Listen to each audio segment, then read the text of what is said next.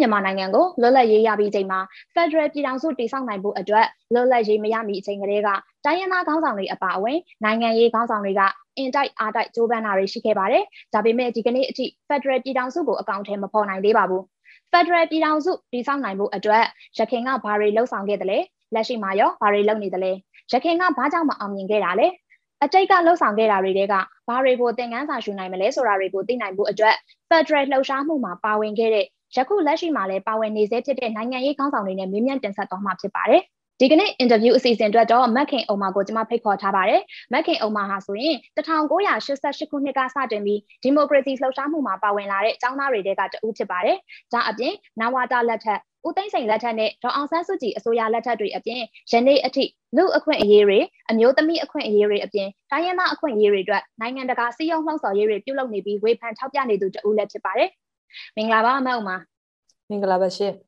ဟုတ်ကဲ့အမဒီကနေ့မှာတော့အမကိုလူအခွင့်အရေးတွေကိုအစင်တစိုက်ထောက်ပြနေတဲ့ဗမာအမျိုးသမီးတဦးရဲ့အနာဂတ် Federal အပေါ်သဘောထားအမြင်တွေကိုမေးမြန်းတော့မှာဖြစ်ပါတယ်ရှင်။ဆိုတော့ပထမဆုံးမေကွန်းအနေနဲ့ပေါ့နော်ဒီ Federal လို့ပြောလိုက်ရင်ခွဲထွက်ရေးနဲ့ကိုပိုင်ကြာထမ်းခွင့်ကိုအရင်ဆုံးပြင်းမြင်ကြတယ်ပေါ့။ဒီတော့ ကိုပိုင်ကြာထမ်းခွင့်နဲ့ပတ်သက်ပြီးတော့နိုင်ငံတကာနဲ့လည်းအမြဲထိတွေ့မှုရှိနေတဲ့လူအခွင့်အရေးတွေကိုအစင်တစိုက်လှုပ်ရှားလာသူတဦးအနေနဲ့အကြိပ်ပဲဖွင့်ဆိုပေးစီချင်ပါတယ်မှာဟုတ် ဟုတ်ကဲ့ပါရှင်ဟုတ်ကဲ့ပါဟိုကိုပိုင်ပြတန်းခွင့်ဆိုတာတော့ပြောမယ်ဆိုရင်ကျမတို့လူသားတိုင်းမှာရပိုင်ခွင့်ရှိတဲ့အခွင့်အရေးဖြစ်ပါတယ်လူသားတိုင်းကကိုယ့်ရဲ့ကိုပိုင်ပြတန်းခွင့်ကိုယ်ကံကြမ္မာကိုဖန်တီးနိုင်ခွင့်ပေါ့နော်ဆိုတော့ဒီကိုပိုင်ပြတန်းခွင့်ကလူတစ်ယောက်နောက်ပြီးတော့လူတစ်စုဆိုလို့ရှိရင်လေဒီလူတစ်စုကသူတို့ရဲ့အနာဂတ်ကိုသူတို့စိတ်ကြိုက်ပုံဖော်ခွင့်ရှိရမယ်ပေါ့နော်စီးပွားရေးနိုင်ငံရေးလူမှုရေးသူများတွေနဲ့တန်းတူလေးစားမှုကိုရပိုင်ခွင့်ရှိရမယ်ဆိုတဲ့အဓိပ္ပာယ်ပါပဲဆိုတော့ကျမတို့ဒီဟာကကုလသမဂ္ဂရဲ့ပြည်ညင်စာချုပ်မှာကုလသမဂ္ဂရဲ့နိုင်ငံသားနဲ့နိုင်ငံရေးအခွင့်အရေးစာချုပ်ပြီးသွားလို့ရှိရင်ဒီစီးပွားရေးလူမှုရေးဆိုင်ရာစာချုပ်တွေမှာဆိုလို့ရှိရင်လည်းဒီအခွင့်အရေးကိုတည်တည်ချာချာပြဋ္ဌာန်းထားတာရှိတယ်ပေါ့နော်။သူသဖြင့်ကတော့ဒီလူတစုအနေနဲ့ကတော့သူတို့ရဲ့အမျိုးသားရေးအပေါ်မှာသူတို့အနေနဲ့သူတို့လိုချင်တဲ့အစိုးရသူတို့ကသူတို့ပုံဖော်ခွင့်ရှိရမယ်ရပိုင်ခွင့်ရှိရမယ်ဆိုတဲ့ဟာတွေပါတယ်ပေါ့နော်။အဲ့ဒီမှာနောက်ထပ်ထပ်ပြီးတိုးလာတာပါလဲဆိုလို့ရှိရင်တော့2009ခုနှစ်မှာဆိုရင်ဒီကုလသမဂ္ဂမှာဌာနေတိုင်းရင်းသားများရဲ့အခွင့်အရေးနဲ့ပတ်သက်ပြီးတော့မှကြေညာစာတမ်းရှိတယ်ပေါ့နော်။သူကခုနတုန်းကနိုင်ငံရေးနဲ့နိုင်ငံသားအခွင့်အရေးဆိုင်ရာစာချုပ်လိုမျိုးတော့နောက်ကနေလိုက်နာရမယ်စာချုပ်ချုပ်ပြီးတော့မှလက်မှတ်ထိုးရမယ်ဟာမျိုးတော့မဟုတ်ဘူးပေါ့နော်။သူကကြေညာစာတမ်းဖြစ်တော့ကြေညာစာတမ်းရဲ့သဘောတဘာဝမှာကဒါဟာအစိုးရတွေအားလုံးအနေနဲ့ဒါကိုဘယ်လိုခေါ်မလဲလေးစားရမယ်ဒါကိုဟိုအတိမတ်ပြုရမယ်ဆိုတဲ့သဘောဖြစ်တော့အဲ့ဒီဌာနေတိုင်းရင်းသားများရဲ့အခွင့်အရေးဆိုင်ရာကြေညာစာတမ်းမှာဆိုရင်လေကိုပိုင်ပြတန်းခွင့်ဆိုတာကိုသူတို့တေချာပြထားပါတယ်ပေါ့နော်။အဲ့ဒါတော့အထူးသဖြင့်ကတော့အစရဲကကိုထီကိုနန်းကိုကျငန်းကိုဌာနေနဲ့ကိုရဲ့နယ်မြေနဲ့ကိုရဲ့အုပ်ချုပ်ရေးနဲ့ရှိခဲ့တဲ့သူတွေက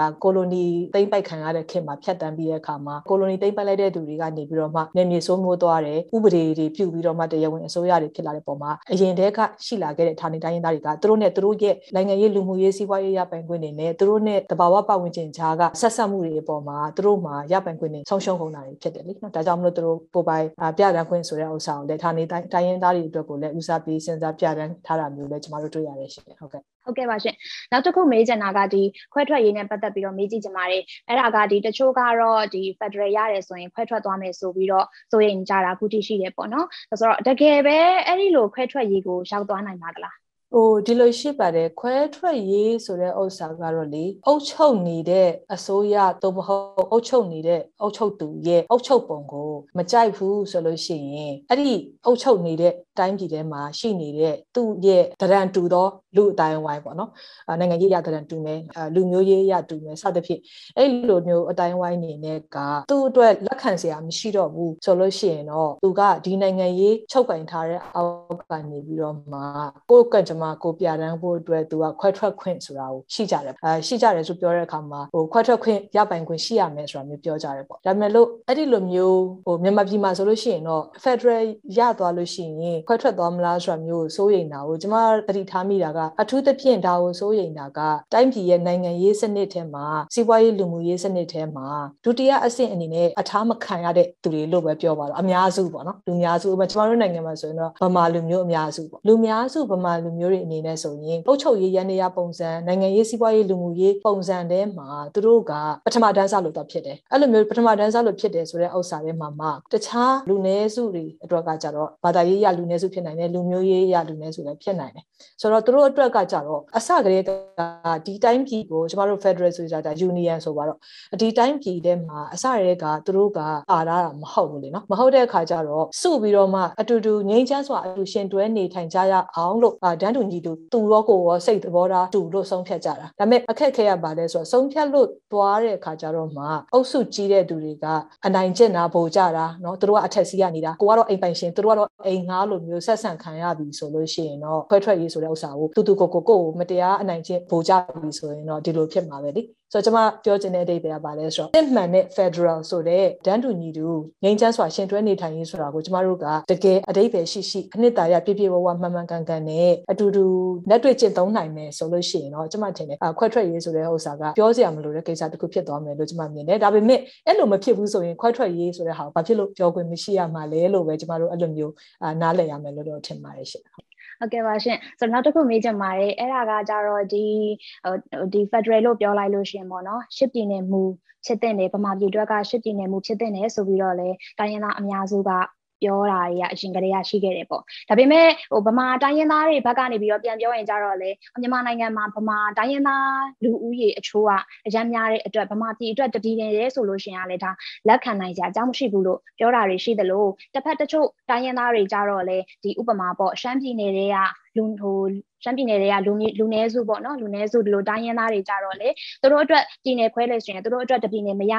မှာဆိုတော့ဒီရှစ်ပြည်နယ်မူကမဖြစ်သင့်ဘူးဆိုတဲ့ဟာကိုလည်းပြောနေကြတာတွေရှိပါတယ်ဆိုတော့ဒီမခင်အုံမာအနေနဲ့ဗမာတိုင်းရင်းသားတဦးအနေနဲ့ဒီဗမာပြည်အတွက်ပြည်နယ်တစ်ခုတည်းဆိုတာမျိုးကဖြစ်တဲ့သလားရှစ်ပြည်နယ်မူကိုလက်ခံနိုင်သလားလက်တွေ့ကြတယ်လို့ထင်ပါသလားရှင်ဟုတ် ဟုတ်ကဲ့ဟိုပြောမယ်ဆိုတော့ကျမတို့ဒီမြန်မာနိုင်ငံတိုင်းပြည်တကားမပွင့်ခင်ပေါ့နော်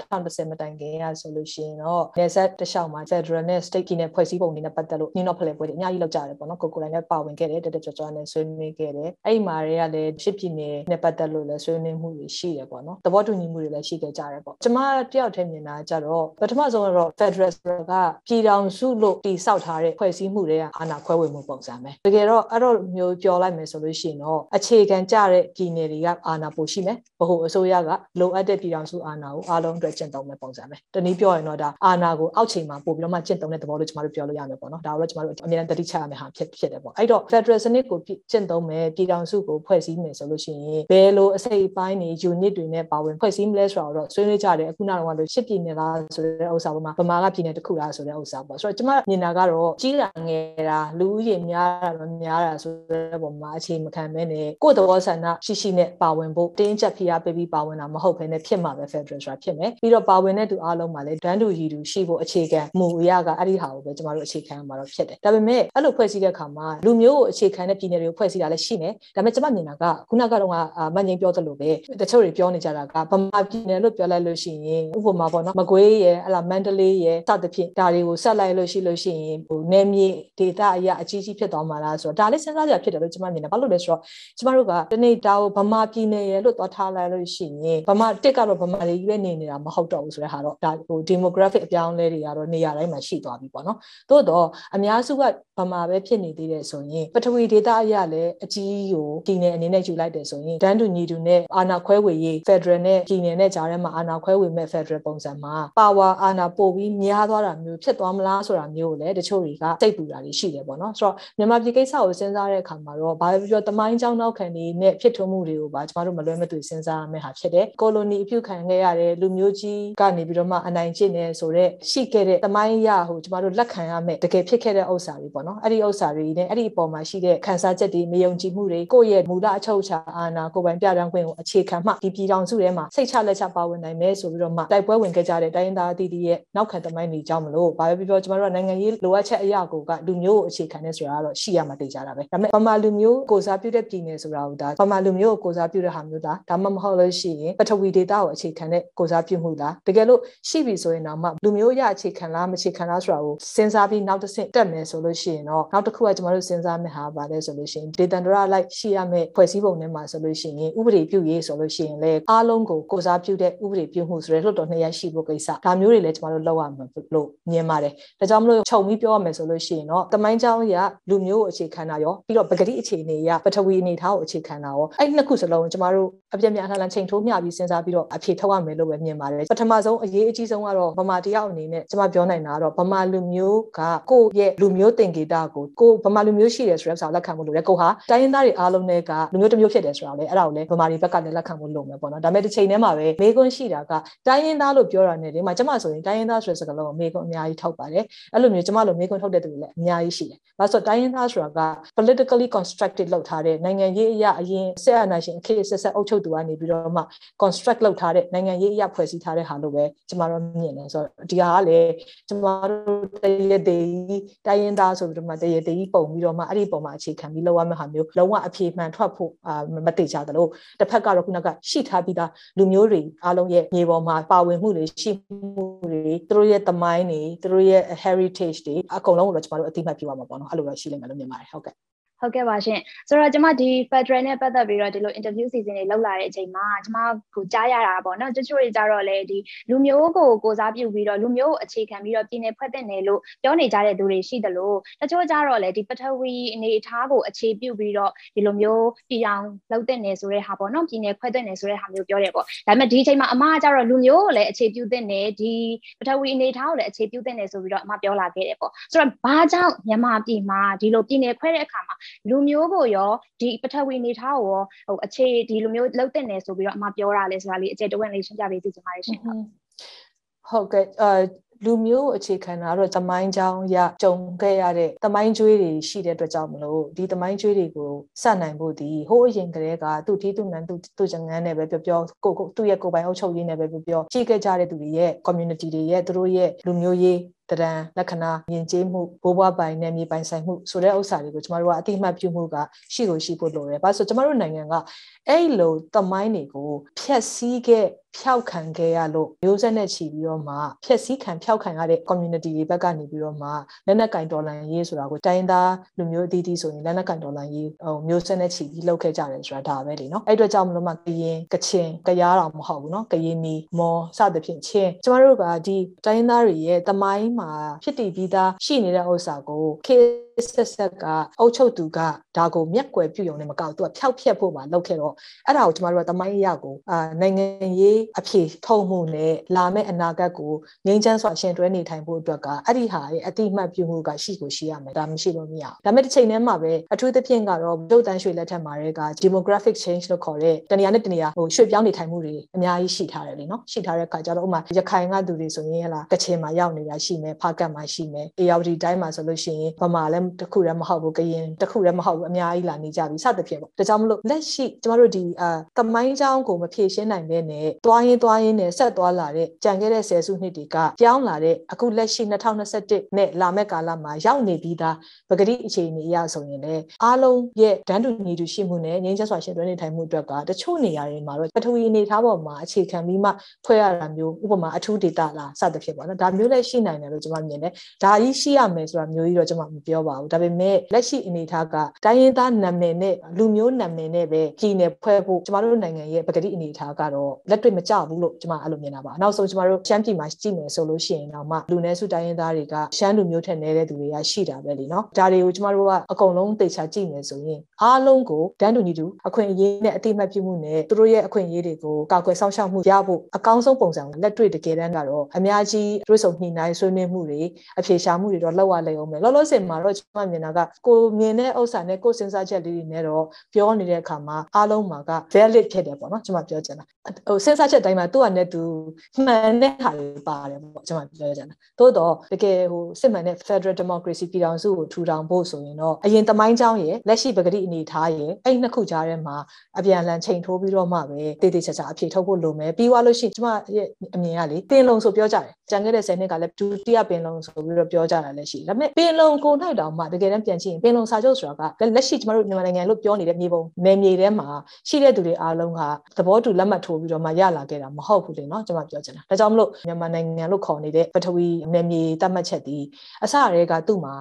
အလွဲလွဲအချော်ချော်တွေအများကြီးရှိခဲ့တယ်ရှိထားတယ်အဲ့ဒီဟာတွေရဲ့နောက်ဆက်တွဲဆိုးကျိုးတွေကိုလည်းမျိုးဆက်နဲ့ချီပြီးတော့မှအုပ်ချုပ်ခံရတဲ့သူတွေလို့ပဲပြောပါတော့နော်အဲ့ဒီမှာခံရတဲ့နစ်နာမှုတွေကအများကြီးရှိထားတော့တမိုင်းအရာနစ်နာထားတဲ့ဟာတွေအများကြီးကိုကျမတို့ကအဖြေထုတ်ဖို့လိုသေးတယ်အဲ့ဒါကအနာဂတ်အကိုသွားမဲ့ပုံစံမှာအဲ့ဒီတမိုင်းအရာနစ်နာတဲ့ဟာတွေကိုထည့်သွင်းစဉ်းစားပြီးအဖြေထုတ်ပြီးတော့မှပဲကျမထင်တာအနာဂတ်အတွက်ပုံစံကပို့ပြီးတော့မှလက်တွေ့လဲကြမယ်ပို့လဲမှန်ကန်မယ်နောက်လာနောက်သားမျိုးဆက်ကိုလည်းမှန်ကန်တဲ့တမိုင်းကြောင်းကိုထားပေးနိုင်လိမ့်မယ်ပေါ့နော်အဲ့ဒါဆိုရင်တော့ငြိမ်းချမ်းစွာအတူရှင်တွဲနေထိုင်တဲ့ power ကို share လုပ်နိုင်တယ်ဆိုတော့ခုနက Federal ဆိုတဲ့ဥစ္စာဟာအောက်ခြေက power ကိုပို့ပြီးတော့မှသုံးတဲ့ဥစ္စာဆိုတော့တကယ်စစ်မှန်တဲ့ Federal Democracy ကိုကျမတို့ထင်တာအဲ့လောက်မှပဲကျမတို့သွားနိုင်တယ်ပေါ့နော်အနည်းချုပ်ပြောရရင်တော့ကျမတို့ဒီကိစ္စဟာဆွေးနွေးဖို့တွေအများကြီးလိုတယ်အားလုံးပါဝင်ဆွေးနွေးမှုတွေလိုတယ်အဲ့လိုမျိုးနိုင်ငံရေးအရာဆွေးနွေးနိုင်တဲ့လမ်းကြောင်းတွေလည်းပွင့်မှုလိုတယ်နေရာတွေလည်းလုံခြုံပြီးတော့မှပွင့်ပွင့်လင်းလင်းနဲ့ဘယ်သူမျက်နှာမှကြည့်ပြီးဘယ်သူ့မှကြောက်နေစရာမလိုဘဲနဲ့ဆွေးနွေးနိုင်တဲ့အခင်းအကျင်းမျိုးတွေလည်းလိုအပ်တယ်လို့ကျွန်မမြင်တယ်ရှင် ဆိုတော့ဒါအခုကကြတော့ဘယ်လိုပုံစံနဲ့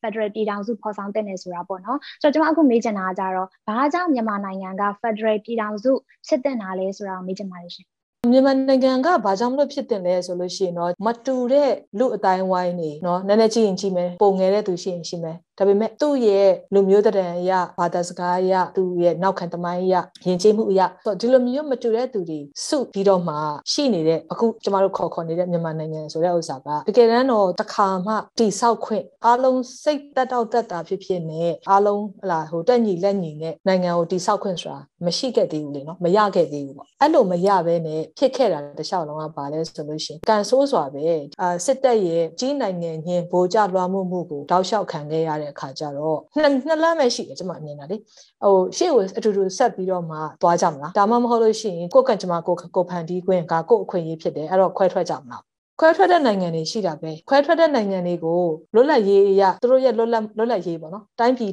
တစ်ခုအနေနဲ့လည်းကုလသမဂ္ဂကအတိအမှတ်ပြုပေးရတဲ့နိုင်ငံတွေလည်းရှိတာပဲဥပမာ South Sudan လိုမျိုးတို့နော်အရှေ့တီမောတို့ဆိုရင်လည်းဒါ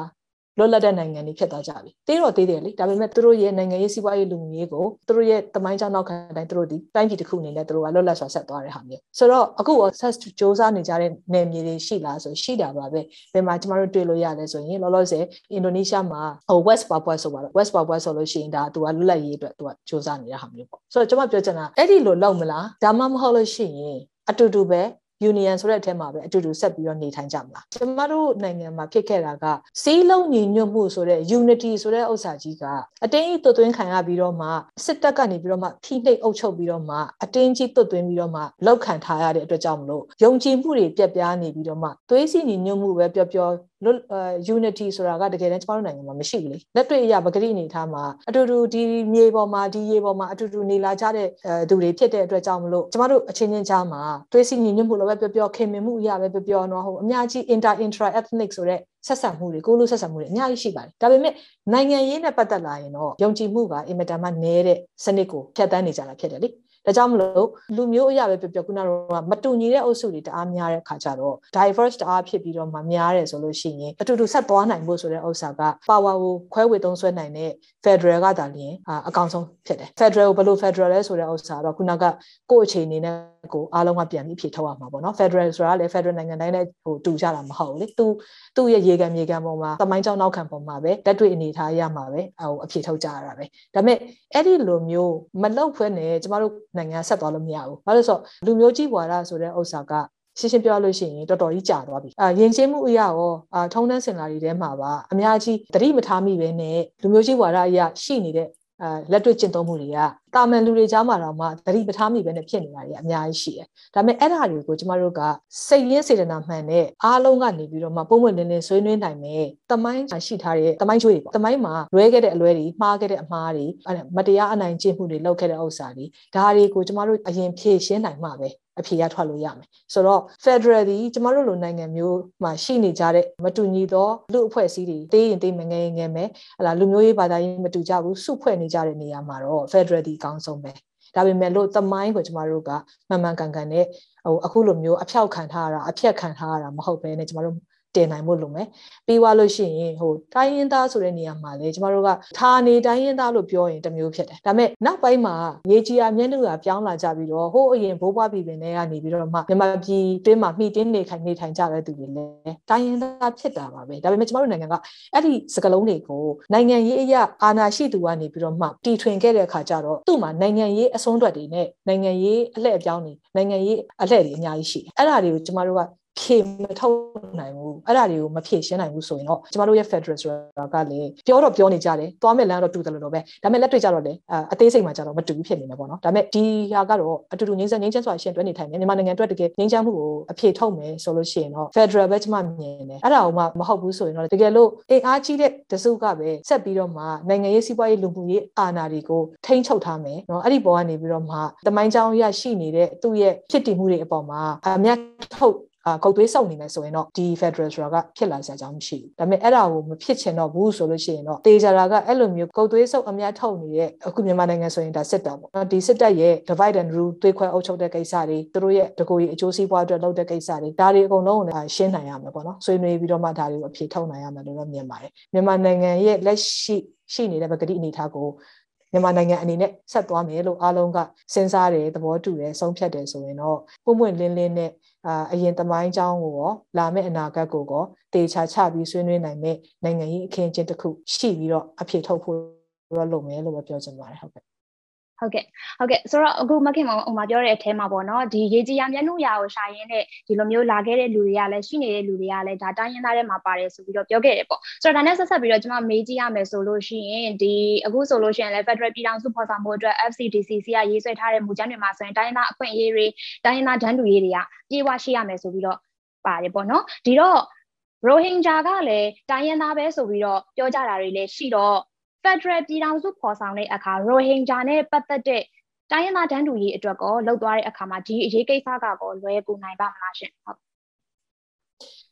အာမြန်မာနိုင်ငံတစ်ခုလုံးရဲ့နိုင်ငံရေးပြဿနာနိုင်ငံရေးအကြက်အတဲစိန်ခေါ်ချက်ကိုဖြေရှင်းဖို့ကတကယ်ကိုမလွယ်တဲ့ကိစ္စပေါ့နော်ကျမတို့ဒါပေမဲ့နိုင်ငံရေးစံထားရှိရဆိုရင်တော့ဖြေရှင်းနိုင်မယ်လို့ကျမကတော့ရိုးရိုးတသားကျမအဲ့လိုပဲယုံကြည်တယ်နိုင်ငံရေးစေတနာရှိတယ်နိုင်ငံရေးစံထားရှိတယ်အဲ့ဒီစေတနာနဲ့စံထားပေါ်မှာတူညီတဲ့ဘုံသဘောထားကိုဘုံတူညီချက်ကိုဆွေးနွေးနိုင်မယ်ဆိုလို့ရှိရင်အဖြေထုတ်လို့ရမယ်လို့ကျမမြင်တယ်ဒါပေမဲ့အဲ့လိုပြောလိုက်တဲ့ချိန်မှာ Ranger community ရဲ့အရေးကိစ္စကကျတော့ဘာဖြစ်လဲဆိုတော့တမိုင်းတွေကိုဖုံးကွယ်ထားတာ ဒါမှမဟုတ်လို့ရှိရင်ဖြတ်သွားတာဖြတ်စည်းပြလိုက်တာ ဒီလိုမျိုးတွေထဲမှာနောက်တစ်ခုပိုတွေ့ရတဲ့ဟာတစ်ခုကပါလဲဆိုတော့လူမျိုးရေးတွေမကဘဲနဲ့ဘာသာရေးအရာမှာပါအဲအထူးသဖြင့်ဒီမွတ်စလင်ဘာသာဝင်တွေနဲ့ပတ်သက်လို့ရှိရင်ကျမတို့နိုင်ငံမှာအများစုကအလတ်ချစ်ဖြစ်တယ်ပေါ့နော်အလတ်ချစ်ဖြစ်တယ်ဆိုလူတော်တော်များများအများစုကမွတ်စလင်ဘာသာဝင်တွေနဲ့အရက်အပေါ်မှာသူတို့ရဲ့အတိမတ်ပြုမှုရတန်းတူကြီးတူသဘောထားမှုရကြည့်လို့ရှိရင်အများကြီးအများကြီးဝေးနေသေးတာကိုကျမတို့တွေ့ရတယ်ရိုဟင်ဂျာတွေဆိုလို့ရှိရင်ပိုတော်မှဆိုးတယ်ပေါ့နော်သူတို့ကိုရှင်းရှင်းပြောရင်တနိုင်ငံလုံးနဲ့ကိုဖြတ်တောက်ထားခဲ့တာကဗိုလ်ချုပ်နေဝင်လက်ထက်ကလေးကတနိုင်ငံလုံးနဲ့ဖြတ်တောက်ထားခဲ့တာရှိသမျှ community တွေအားလုံးနဲ့ဖြတ်တောက်ခံထားခဲ့ရတာတအားကြောက်သွားတော့ခါကြတော့သူတို့ရှိနေတယ်ဆိုတာတော့မှတော်တော်များများဒီမသိတော့ဘူးတီးခဲ့တဲ့လူကြီးတွေလည်းမရှိကြတော့ဘူးလို့ရှိတဲ့လူကြီးတွေကိုနိုင်ကလည်းဒါကိုရှိပါတယ်လို့ဟိုဝန်ခံပြီးတော့မှ အတိမတ်ပြုပြောဖို့အတွက်ကိုဝင်လေးကြတယ်အဲ့ဒါဘာကြောင့်လဲဆိုကျွန်မကြည့်တာတော့အများစုကတော့ဘာသာရေးမုံတီးမှုပေါ်မှာဘာသာရေးခွဲခြားဆက်ဆံမှုပေါ်မှာအခြေခံပြီးဖြစ်တာမျိုးကျွန်မပို့တွေ့ရတယ်ပေါ့နော်ဒီ Ranger community အတွက်ကိုဖြည့်ရှင်းမယ်ဆိုလို့ရှိရင် Federal ပြည်ထောင်စုထဲမှာသူတို့ဒီနော်မြန်မာနိုင်ငံကတိုင်းရင်းသား ethnic ပေါ့နော်အင်္ဂလိပ်လိုပဲကျွန်မပြောရမယ်တိုင်းရင်းသားဆိုတဲ့စကားလုံးဆိုရင်အတိတ်ပဲဒီအများကြီးခုနကျွန်မပြောသလိုပဲရှုပ်လို့လေနော်ဟိုလူတွေကအမျိုးမျိုးအတိတ်ပဲအတိတ်ပဲဖွင့်မှုတွေလွဲနိုင်တယ် ethnic လို့ပြောလို့ရှိရင် Rohingya တွေဟာ ethnic ဖြစ်တယ်သူတို့ဒီနှစ်ပေါင်းများစွာမျိုးဆက်နဲ့ချီပြီးတော့မှဒီတိုင်းပြည်ထဲမှာနေလာတာဖြစ်တယ်သူတို့နဲ့ကျမတို့လို့ပြောပြီးတော့ကျမတို့တွေကဆိုလို့ပြောလိုက်တာနဲ့တင် အခုပဲမငိမ့်စဉ်းစားကြည့်ကြည့်ကျမတို့ကသူတို့ကိုပေးရမလို့တော့ဖြစ်တဲ့အတိတ်ပဲမျိုးထွက်လာအဲ့ဒီလိုစဉ်းစားချက်မျိုးဆိုရင်ကိုက Federal ထဲမှာအဲ့လိုစဉ်းစားချက်ကလွဲသွားမယ်ဘာလို့လဲဆိုတော့သူတို့လည်းအစတွေကအဲ့မှာရှိတယ်နေလာခဲ့တယ်ဒီ D Federal တွေကိုတိစောက်မယ်ဆိုလို့ရှိရင်သူတို့ရဲ့တည်ရှိမှုဒီ D Federal စနစ်ထဲက component တစ်ခုပါဝင်မှုတစ်ခု community တစ်ခုဖြစ်ရလိမ့်မယ်လေဆိုတော့အဲ့ဒီလိုမျိုးအတွက်ကိုကျမတို့တိစောက်မယ်ဆိုရင်ကြံခဲ့တဲ့3လေးနှစ်မှာဒီ2019မှာ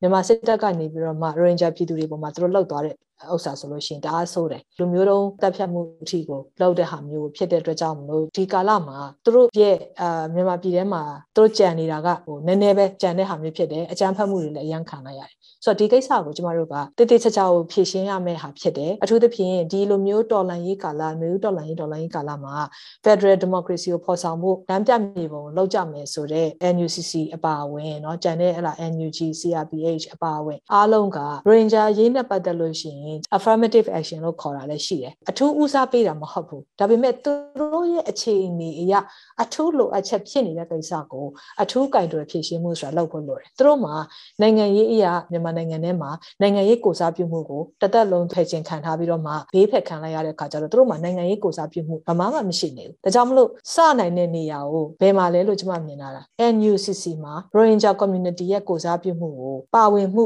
လမ်းဖွင့်ပေးခြင်းအပြင် သူတို့ကိုကြိုဆိုခြင်းအပြင် ဆွဲခေါ်ခြင်းအပြင် Federal Democracy ပြည်ထောင်စုကိုအားလုံးပါဝင်ဖို့ Ranger တွေပါဝင်အားလုံးပါဝင်ဖို့ပုံဖော်တဲ့အခါမှာသူတို့နဲ့အတူတူပါဝင်ပြီးတော့သူတို့ရဲ့ပါဝင်မှုနဲ့အတူတူလုပ်မယ်ဆိုတော့ကျွန်မထင်တာကလမ်းကြောင်းကပိုတဲ့သွားမယ်လို့ကျွန်မမြင်တယ်။ဒါပေမဲ့အဲ့လိုမျိုးလုပ်နိုင်ဖို့ဆိုတာလေနိုင်ငံရေးစံနာတွေကလည်းရှိအောင်မှဖြစ်တဲ့အပြင်နိုင်ငံရေးသဘောထားတွေကလည်းပန်အောင်မှဖြစ်မယ်။အဲ့ဒီအခါမှာအထူးသဖြင့်ကတော့ Ranger တွေအပေါ်မှာဒါငါတို့နိုင်ငံကမဟုတ်ဘူးတို့ခိုးဝင်တာတို့စသဖြင့်အမျိုးစုံဆွဆွဲထားတဲ့ဥစ္စာတွေကိုတမိုင်းကြောင်းတက်တွေလည်းသူတို့မှလည်းဒီထက်ပိုပြီးတော့မှပြရမယ်ဆိုရင်တော့ဘာကြံလဲပေါ့နော်အများကြီးသူတို့ရှိသမျှတက်တွေအထောက်အထားတွေတမိုင်းကြောင်းဒီနေရာဟာဒီနေဒီဒီသူတို့ဒီမြေဒီရေကနေသူတို့သာရှိလာပါတယ်ဆိုတဲ့ဟာကိုအများကြီးသူတို့ပြောခဲ့ပြီးပါပြီဆိုတော့အဲ့ဒါတွေကိုသူတို့အပေါ်မှာခွဲခြားဆက်ဆံတဲ့သူတွေဘက်ကနေပြီးတော့မှဒါကိုတေချာမြင်နိုင်အောင်ကြည့်ရမှာက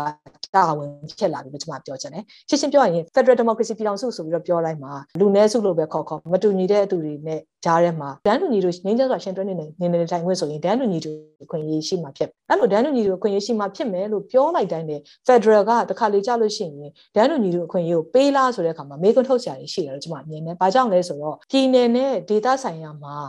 အာဏာပိုရတာလေဆိုလို့ရှိရင်တချို့ကိစ္စတွေမှာကလူအခွင့်အရေးအရာစိန်ခေါ်ချက်ရှိတဲ့ဟာတွေဖြစ်နိုင်တယ်လို့ကျွန်မအဲ့လိုမြင်တယ်ဥပမာအာပြောမယ်ဆိုလို့ရှိရင်ဘာသာရေးလူနည်းစုတွေရဲ့ဒန်းလူညီတွေခွင့်ရေးအမျိုးသမီးတွေရဲ့ဒန်းလူညီတွေခွင့်ရေးတကယ်လို့များဟို Federal မှာ Federal အစိုးရကနေပြီးတော့မှနိုင်ငံတကာသဘောတူစာချုပ်စာတမ်းဥပမာအမျိုးသမီးခွဲခြားဆက်ဆံမှုပပပြောက်ရေးစာတမ်းကိုလက်မှတ်ထိုးထားတယ်အဲ့တော့ Federal အစိုးရကနိုင်ငံတကာစာချုပ်စာတမ်းမှာလက်မှတ်ထိုးထားတဲ့ဥစ္စာတွေကိုအကောင့်ထဲ